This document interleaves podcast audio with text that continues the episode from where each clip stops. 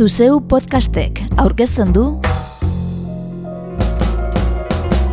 Urpeko bombarda anartz bilbaorekin.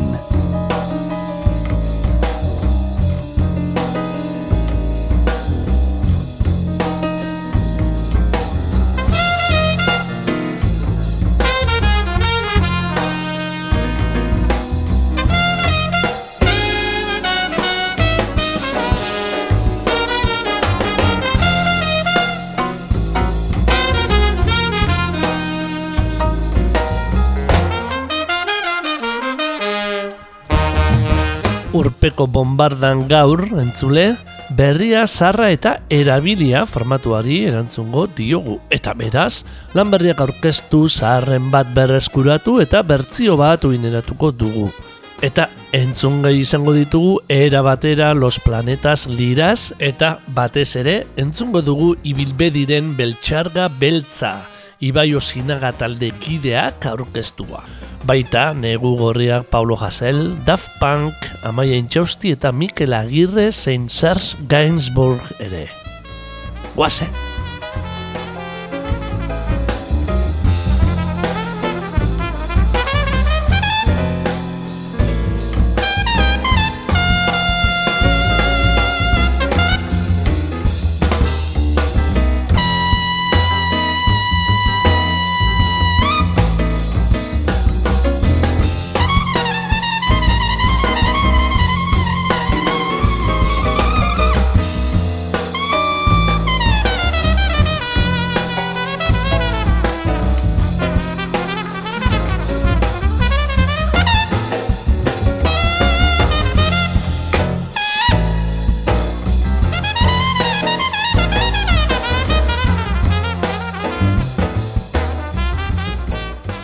Lan berriekin hasiko dugu saioa oraintxe bertan orkestekoa duten lan baten aurrerapen kantuarekin. Era bateraren orbela. Supertaldea da era batera. Gatibuko bateria jole gaizka salazarren bueltan eratua. Eta hain zuzen ere gatibu Willis Drummond edo Ken Zazpi musikariekin osatua. 2000 eta egin zuten debuta. Antipodetan diskoarekin eta bigarrena dakarte orain, izpigaldua, zei kantuz osatua.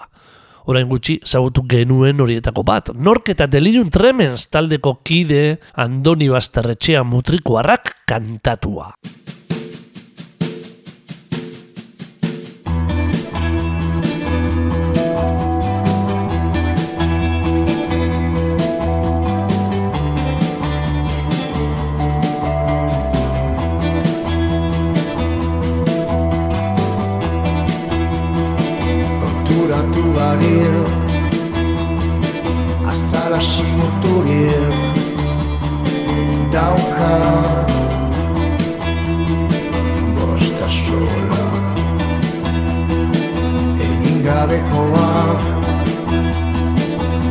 Esan dakoa Aztu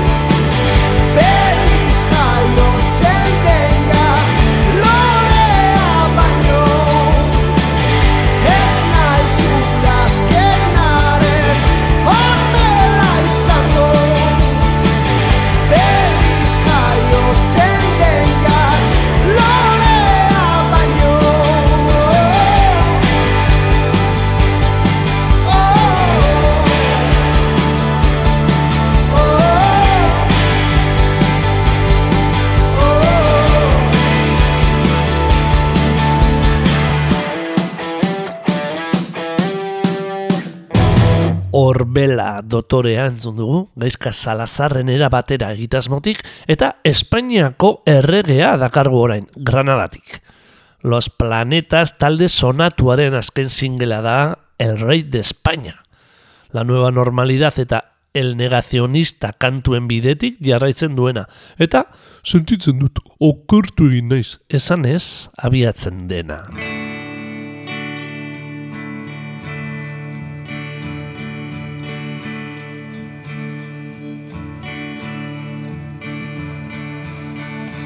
siento mucho, me he equivocado. Demasiadas mujeres reclamaban mi afecto. No he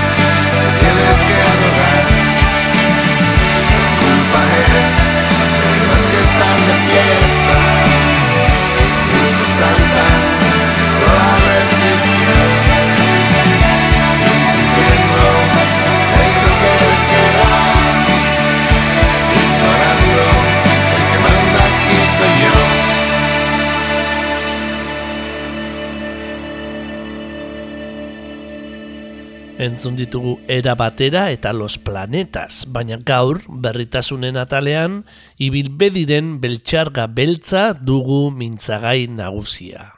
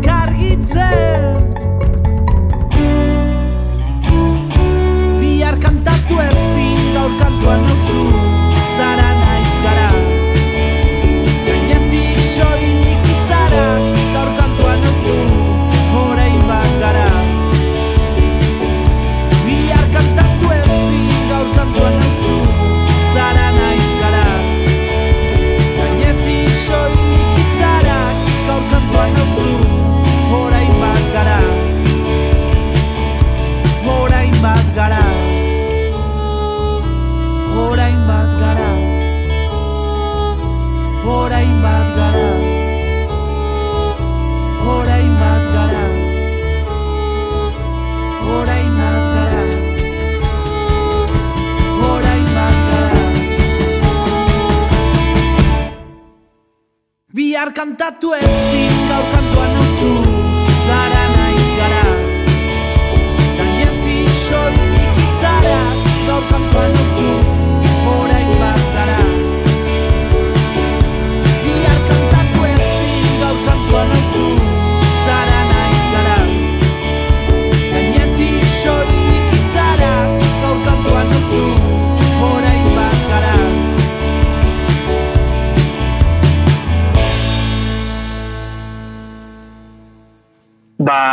bueno, ibilbedi sortu zen 2019an, 2019ko urtarrian edo, baina 2018an, ustailean, ustaila partean edo, eh, amets, areta eta irurok elkartu ginen. Amets eh, saxofonista, areta violinista eta irurok.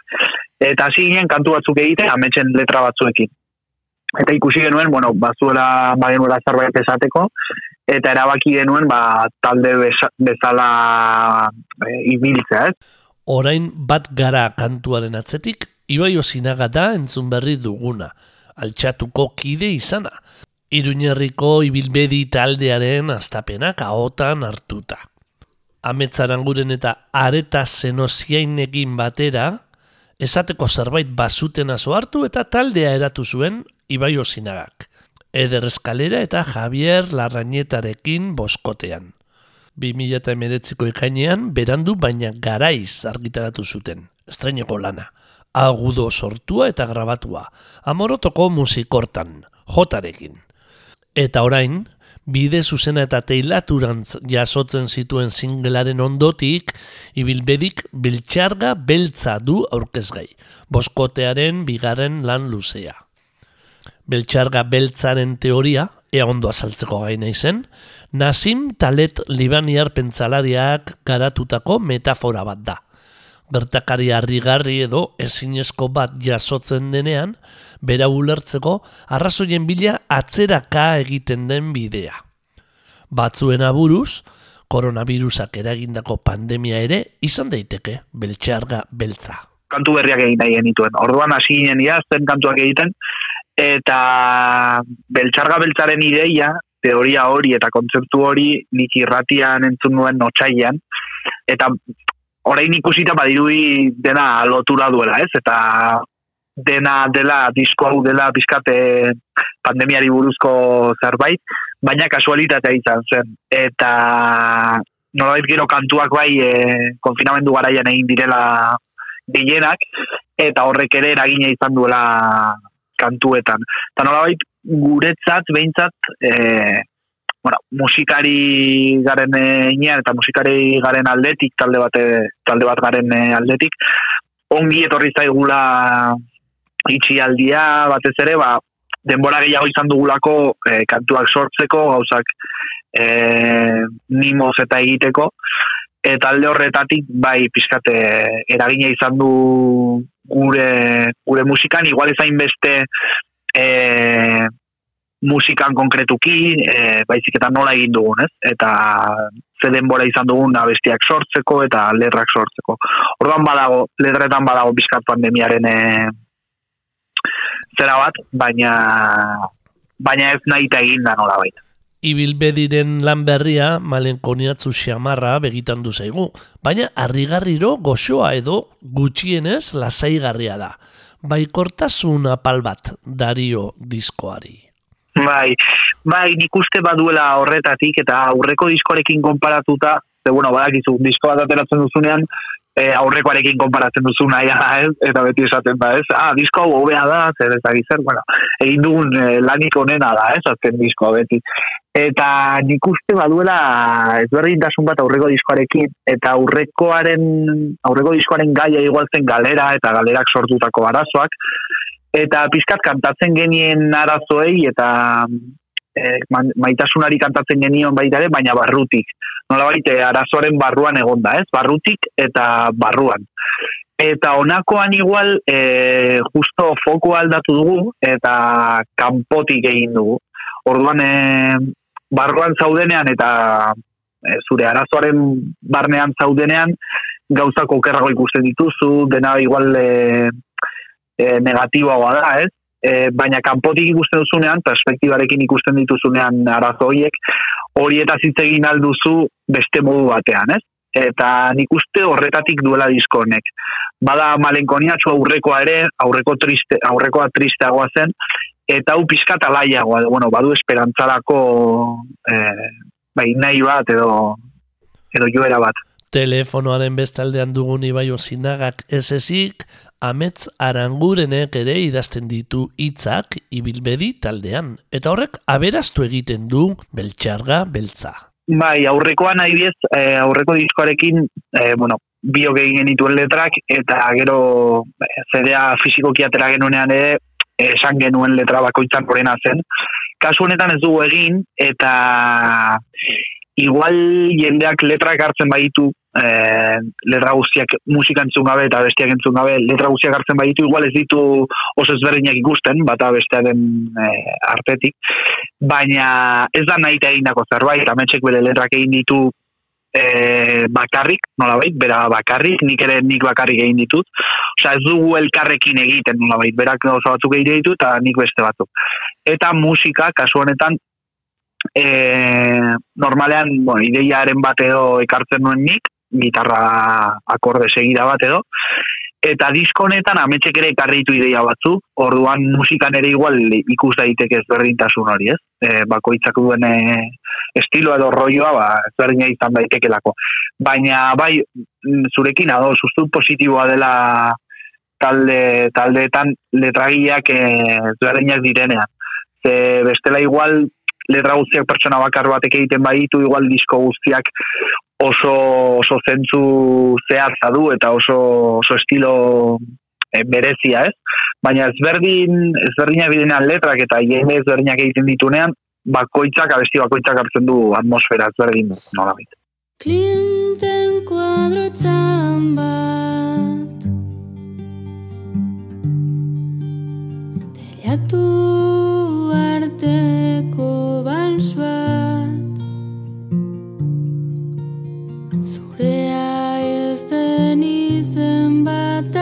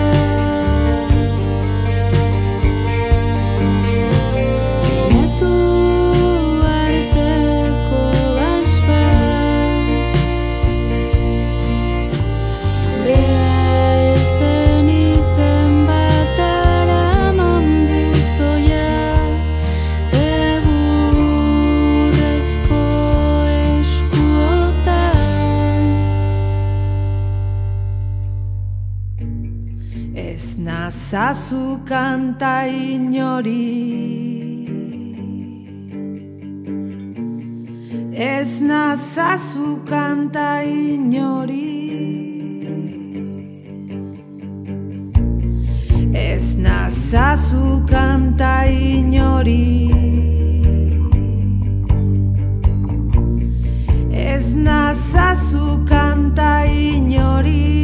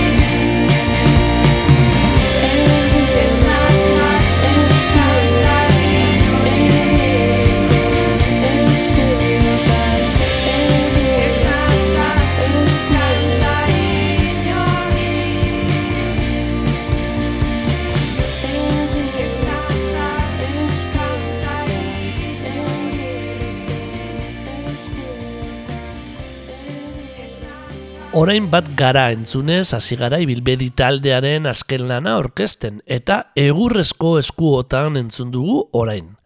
Ibaik kantatua lehena eta ametzek bigarrena, orain arte esandakoaren adibide.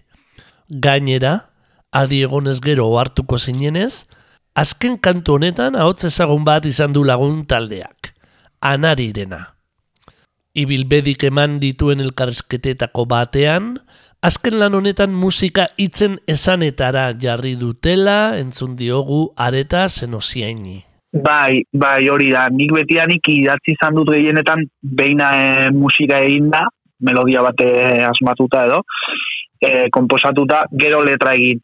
Eta honakoan alderantziz egin dugu dena. Orduan, e, letra guztiak idatzi genituen, bueno, letra guztiak zeian ez, baina letra bat idazten genuen eta letra horri musika jartzen genion.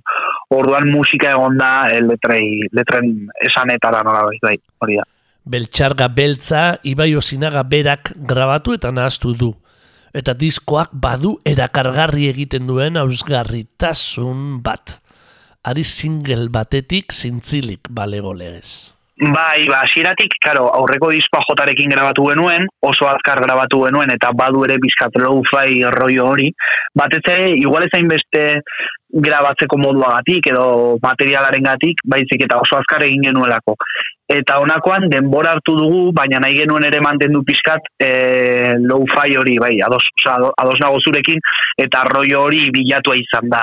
E, etxean grabatu dugu, nik grabatu dut etxean egin duan estudioan, eta izan ditugune referentziak pizkat hor, e, hortik hortik dijoaz dena egin dugu oso oso natural saiatu gara gauza gauza externo asko ez sartzen. Orduan e, gero ere e, nik nuen materialaren gatik ere izan da. Esan, esan nahi dut e, baldin banu ez dakitze tarjeta sonido ez dakitze mikro onarekin ba, beste gauza bat eginen genuke.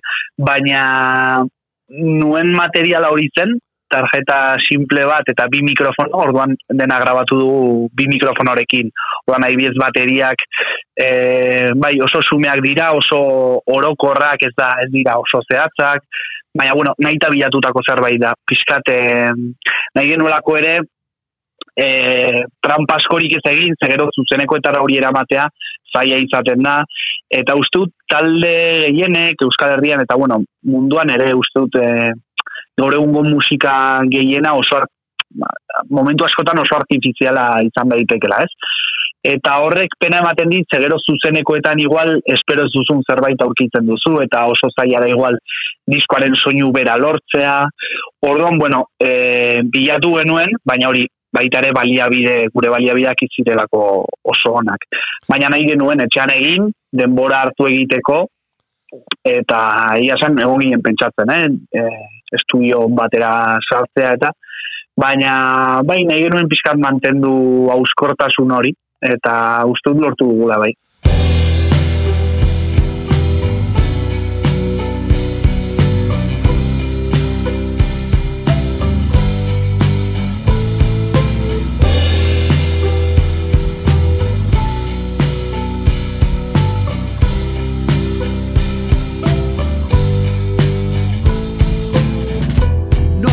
Gela zaindu gabeko eguna. Gordetzean pilatu oizaizkuna Oea bete ondotik barre eta bizarrez. Kasu estaliko duzu erretako lorez O hartu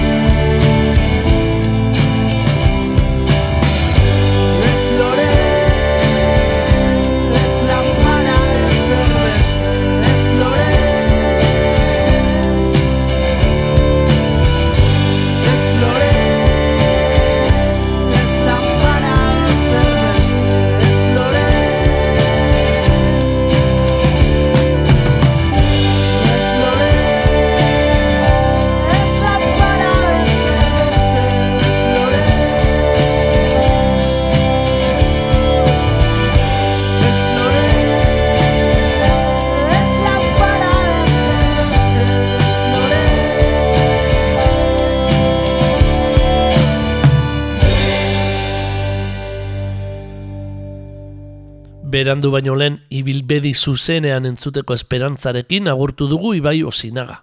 Eta garaiotarako talde aproposa dela erantzun digu musikariak, jesarrita eta formatu txikian lasai entzutekoa.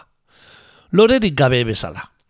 Zalantzan egon gara azken hau edo iraez ekarri nafarrak agertzeko, baina autotunea gerosiago entzungo dugunez, Daft Punkekin, eta hasieran azelako kritikak izan zituen gainera dizjoki bikoteak horrexegaitik. Dana dala, lorerik gabe hautatu dugu ibilbedi atzean usteko. Berritasunen atala itxi aurretik baina, liraz ere entzungo dugu, Israeldar kantaria. Liraz txarji musikari eta antzesleak iraniar jatorria du, eta eskutuan grabatu duten musikari persiarrekin batera, farsi hizkuntzan eman du azken lana, zan, farsieraz emakumeak esan nahi duena.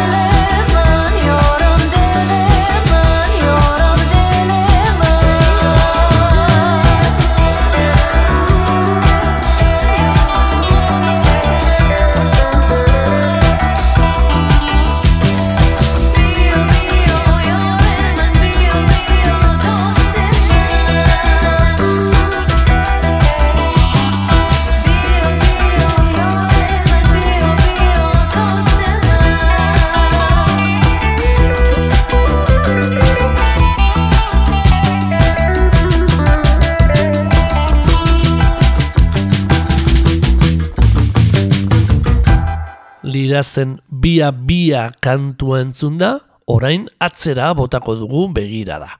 Gui Manuel de Homen Cristo eta Tomas Bangalterrek oraindik nera bezirela osatu zuten Daft Punk disko jartzaile bikotea. French House mugimenduak sekula izan duen ospetzuena eta milioika disko saldu dituena.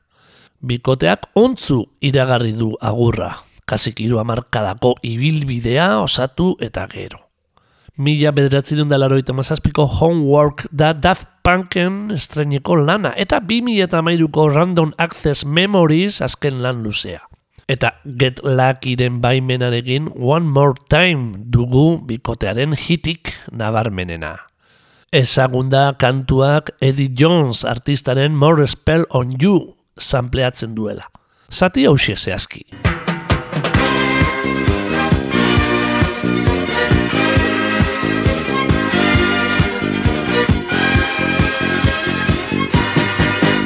Entzun dezagun berriro.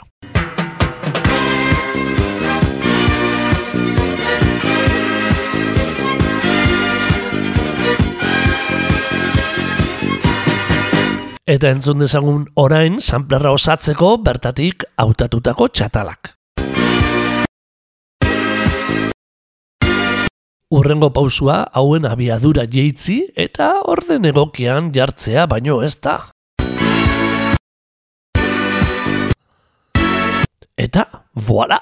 Hor dugu One More Time ezaguna.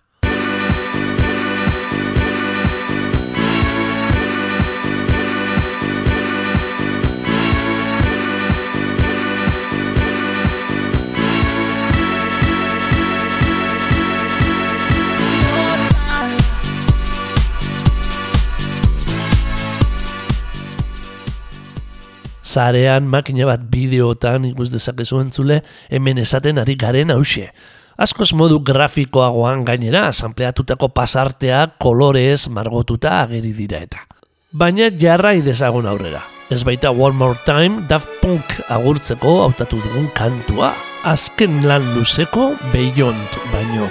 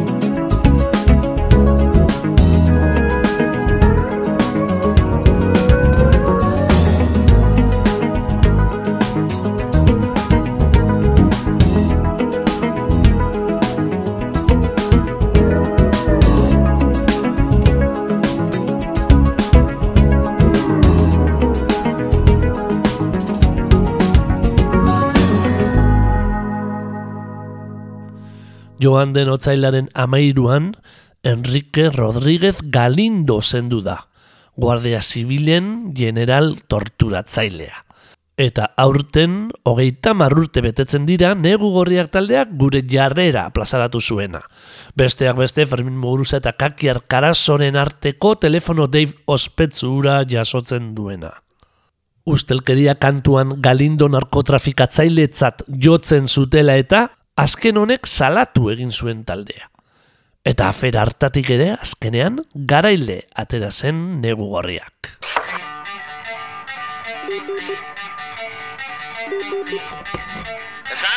¡Eh, que aquí enteratu eres!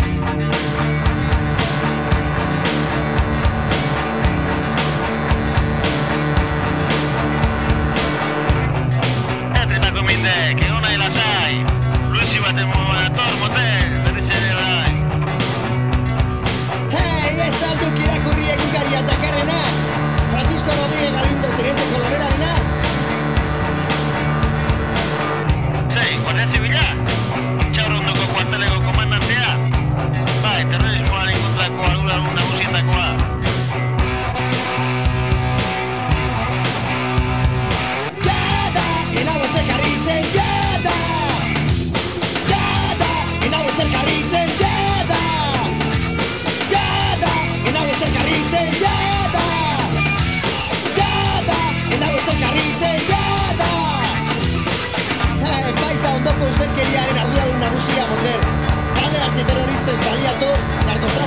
operazioak egiten zizkilan.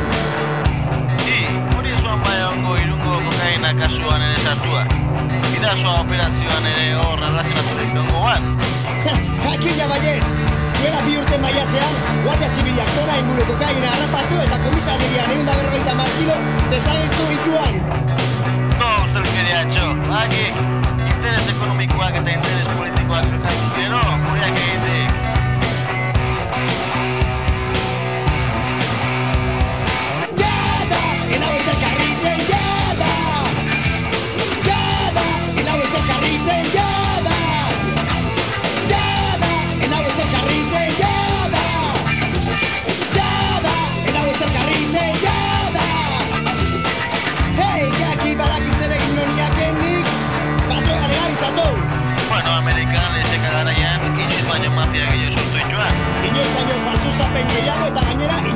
que ya me van si ya genera. gero, lehenengo arazoa bukatu dut, ez dugu. Jada, enau ezer karritzen, jada! Jada, enau ezer karritzen, jada!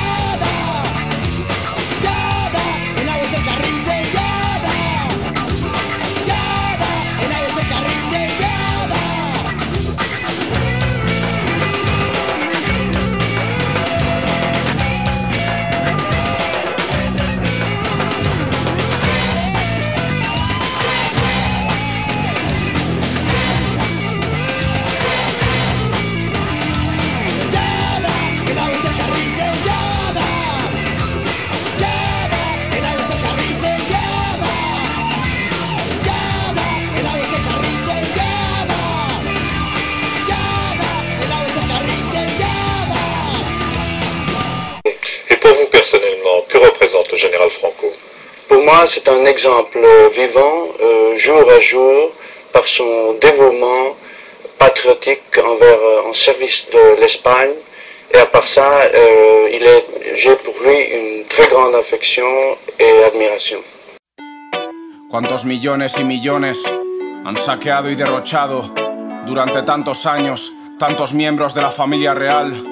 Luego los psicópatas que nos gobiernan dicen que no hay dinero para derechos de primera necesidad, pero tienen los años contados. Se acerca la República Popular. Está la historia de Juan Carlos el Bobón que quieren ocultar. Ñabardurak. Zein, Guardia Zibila, intxaurrondoko kuarteleko komandantea, terrorismoaren kontrako arduradun nagusienetakoa, galdetu zuen negu gorriak taldeak aspaldi ustelkeria kantuan. Talde antiterroristak baliatuz, narkotrafikoko operazioak egiten zizkian, erantzun zuen kantu berean. Enrique Rodríguez Galindori buruz ari zen taldea, gure jarrera diskoko kantu horretan. Salaketa jarri zuen uniformedunak, amabos milioi peseta ere eskatu zituen kalte ordain gisa, eta taldeak kanta jotzeari ustea. Espainiako auzitegi gorenak arrazoia eman zion taldeari 2000ko ekainean. Teniente koronela zen garai hartan galindo, zapatuan hil zen. Josean Lasaren eta Josi Zabalaren baiketagatik eta hilketagatik, irurogeita amabost urteko espetxe aldira kondenatu zuten, eta lau urte eta lau hilabete egin zituen kartzelan. Galindok aginduak bete zituen. Uste dut Felipe Gonzálezek lasaitu hartu duela haren eriotzarekin, salaz ezakeelako. Adierazi zuen igandean pili zabalak josiren arrebak ete beren kameren aurrean. Torturaren aurkako egunean hiltzen galindo, egunkarionek berak azalean nabarmendu zuenez. Etzen nabardura ez deusa, Galindo intxaurrondoko kuarteleko buru izan zen garaian angertatu zirenak ez baitira kontu ez deusak. Non dago Mikel filmak pantaliara ekarri ditu esaterako, Mikel Zabaltzaren atxiloketari eta torturari buruzkoak. Endarlatzan gorpu agertu zeneko irudiak, eta gaur arteko zigorgabetasunaren sokak. Batzuen zigorgabetasuna, besteren zigorrari lotua dago aspaldi, hori da kontua. Eta egia da, adierazpen askatasun absoluturik ez dago inon, baina galdera da, hogeita hamar urte geroago ustelkeria kanta publikatu alko litzateke? Eta publikatuko balitz, salaketa bat tarteko Espainiako auzitegi gorenak nori emango telioke arrazoia. Ez dira galdera erretorikoak. Honako txio hauek, inor kartzelara bidaltzeko argudio gisa erabiltzea erretolika hutsa ez diren bezala. Joseba Arregi, poliziak tortura bidez eraila. Espetxeak esterminio etxeak dira. Polizia bat hiltzen duzula, harripeetan ere bilatzen zaituzte. Poliziak hiltzen duela, ikerketa txukunik ere ez dute egiten. Saudi Arabiaren erruz, Yemengo aurrek onela sufritzen dute, borboitar mafiosoen lagun demokraten kontuak. Jose Arregigatik existitzen da torturaren aurkako egun bat egutegian izan ere. Polizia gehiagikeriak zenbateraino ikertzen diren, ikertzen ez diren agerikoa da. Espetxeak jendea usteltzen usteko tokiak direla ere bai. Eta borboitarren historia aspaldidanik da ezaguna. Pablo Jasel kartzelan dago baina, legezkoa omen. Haren delituaren beste partea, txiolari jardunaren osagarri. Juan Carlos el Bobon kanta.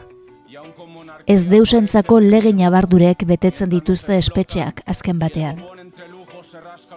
Kartzelatua izateko aukeraren aurrean, ez alde egitea erabaki zuen jaselek.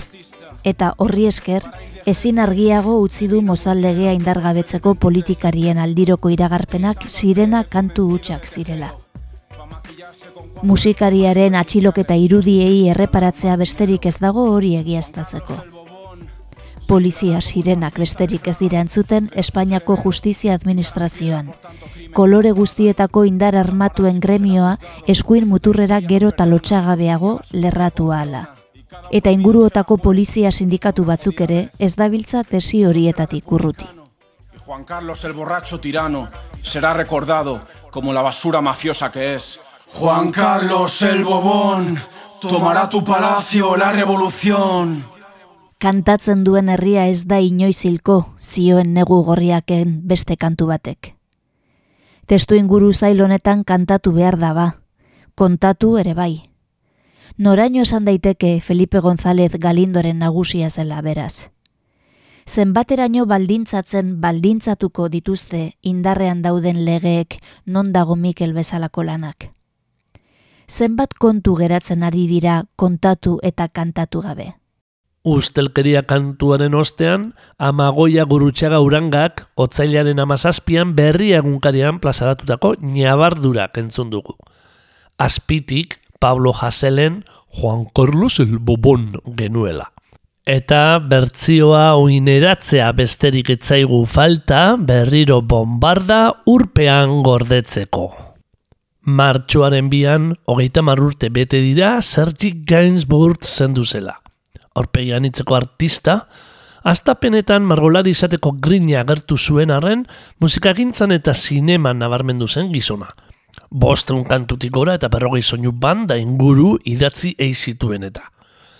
Sonatuena, kantuetan, sonatuena, seguruenera, jetem manon plu, emazte Jane Birkin antzeslearekin bikotean emana. Mila bederatzen dut sortzi ospetsu hartatik urte betera. Jatorriz, Brigitte Bardotekin grabatu zuen kantua, baina gerora Jane Birkinekin grabatua da ezagun egindakoa. Kantu hasierako intziriak direla eta, txortanariko balira bezala edo, herrialde askotan zentzura pairatu zuen kantuak.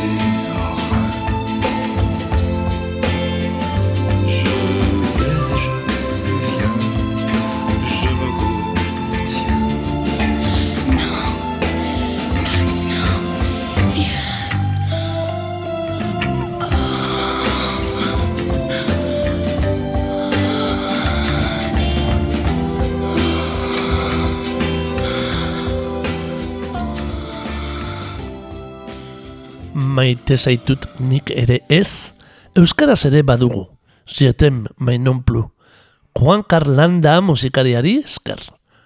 Gainsburren miresle zutzu, Sanchizi Jokano bikoteko kideak bultzatuta, 2008an Gainsburg gainbegiratu argitaratu zuen gaztelupeko hotzak zigiluak. Frantziarraren amabos kantu biltzen zituena, makina bat euskal kantarinen ahotzetan. Amaia Intxausti eta Mikel Agirrerena, berbarako. Urpeko bombarda agurtzeko baliatuko dugun kantuan.